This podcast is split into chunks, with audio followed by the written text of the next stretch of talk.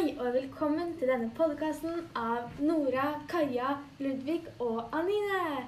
I denne samtalen skal vi snakke om forskjellene mellom kebabnorsk og vestkantspråket, og hvordan dette her kommer til eh, uttrykk i episode åtte i Førstegangstjenesten. Førstegangstjenesten er nemlig en humoristisk serie der hvor de har mange ulike stereotypiske mennesker fra øst og vest. Preben Lorengren er en skikkelig vestkantkar. Han har au pair og fiolinorkester i stuen. Han er definisjonen på en privilegert, jålete og en selvgod ungdom. Olav Halvorsen er en motsetning til Preben. Han er oppvokst på Haugenstua på østkanten. Han er opprinnelig norsk, men er påvirket av miljøet. Derfor er han veldig lik de stereotypiske innvandrervennene sine ved bl.a. stil og talemåte. Derfor lurer jeg på, Nora, hvordan er språket på østkanten?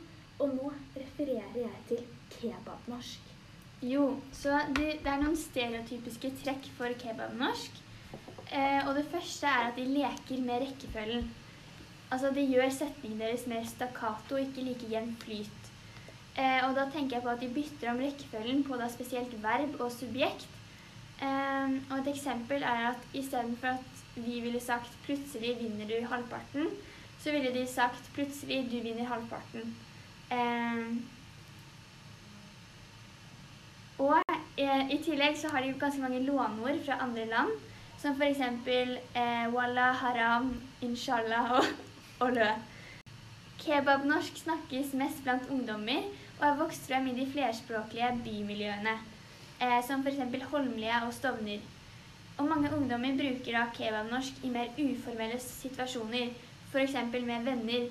Men så snakker de da mer standardisert norsk i da formelle situasjoner, som da på jobbintervju eller da skriftlig. Um, og kebabnorsk kalles en multietnolekt, siden flere um, språk har påvirkning på kebabnorsk. Og da um, er det spesielt fra Midtøsten som eh, arabisk, tyrkisk, kurdisk, persisk og somali. Ja. Spennende, Nora. Du har funnet mye god fakta. Ludvig, er det noen kontraster med språket på vestkanten? Eh, I kontrast fra eh, kebabnorsk så er jo Så snakker man, i hvert fall før i tiden, på en mer eh, Eller eh, vestkantspråket ble kalt eh, det dannede dagligtale som betyr at de snakker mye mer som man eh, skriver, så man snakker på en veldig formell måte. Eh, så på mange måter så er eh, vestkantnorsk, eh, eller Oslo-dialekten på vestkanten, eh, veldig likt skriftspråket riksmål. Eh, ja. noe annet er f.eks. at de bruker bare to skjønn, som er hannkjønn og intetkjønn. Så man kutter ut uh, hunnkjønn, og istedenfor da å si sola, så sier man da solen. Uh, man har heller ikke så mange diftonger, sånn som oi og au og sånne ting. Uh, og så har man et, gjerne et annerledes vokabular. Sånn som for eksempel så henter man ikke inn ord fra utlandet så mye. Men hvis man henter inn ord, så er det f.eks. fra den engelske språklige verden. Eh, og det er mindre etnisk variasjon. Eh, og det er også en grunn til at de har et annet vokabular enn i kebabnorsk.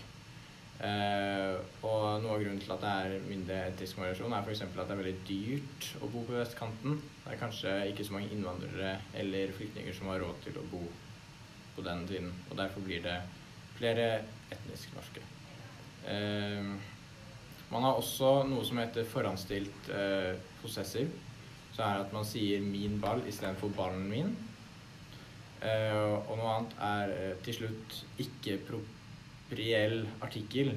Så man sier eh, 'mor og Ola' istedenfor 'hun mor og han Ola'. Yes, veldig bra. Eh, Kaja, nå er jeg litt interessert i hvordan ble språket? Um, jo, skillet mellom østkantspråket og vestkantspråket startet når arbeiderklassen begynte å bosette seg rundt Akerselva under eh, industrialiseringen. Og kongen bosatte seg jo da på vestsiden og ville ha et nabolag med velutdannede mennesker fra overklassen. Eh, Så språket begynte egentlig å blande seg mer og mer, faktisk. Helt til innvandrere begynte å påvirke språket med eh, låneord fra Midtøsten, som Nora var inne på, når de bosatte seg på østkanten av Oslo, og det var jo her utviklingen av kebabnorsk begynte.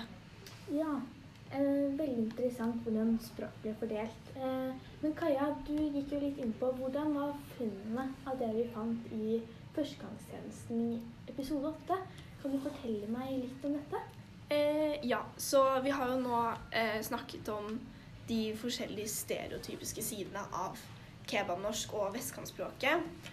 Og i eh, førstegangstjenesten så kan vi se at karakteren Ola Halvorsen gjerne uttrykker seg eh, med tanke på at han er veldig påvirket av innvandrermiljøet siden han vokste opp på Haugenstua. Så han har eh, generelt et veldig skiftende eller mørkt tonefall.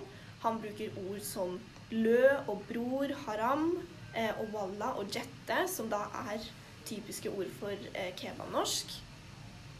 Han, eh, han bruker også setninger som eksempel 'jævla spamhæve', som høres ganske Det høres jo ganske annerledes ut for en som snakker vestkant, eller språket vi snakker på vestkanten, da. Eh, og jævla spa mæve betyr jo da en veldig fin, en fin dame, rett og slett.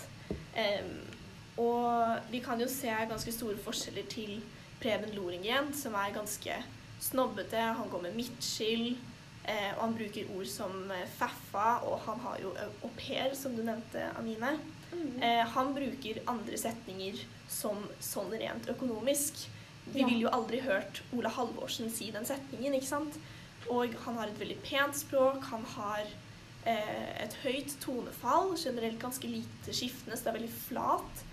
Um, og han har jo en del e-endelser, så han sier f.eks. 'faren min'. Eh, så det er jo ganske store forskjeller.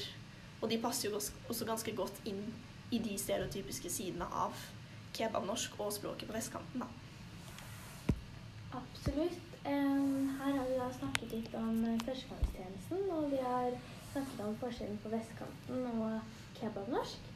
Så nå håper jeg at eh, Tor Gunnar at du lærte litt. Ja. Tusen takk for oss. Takk for oss.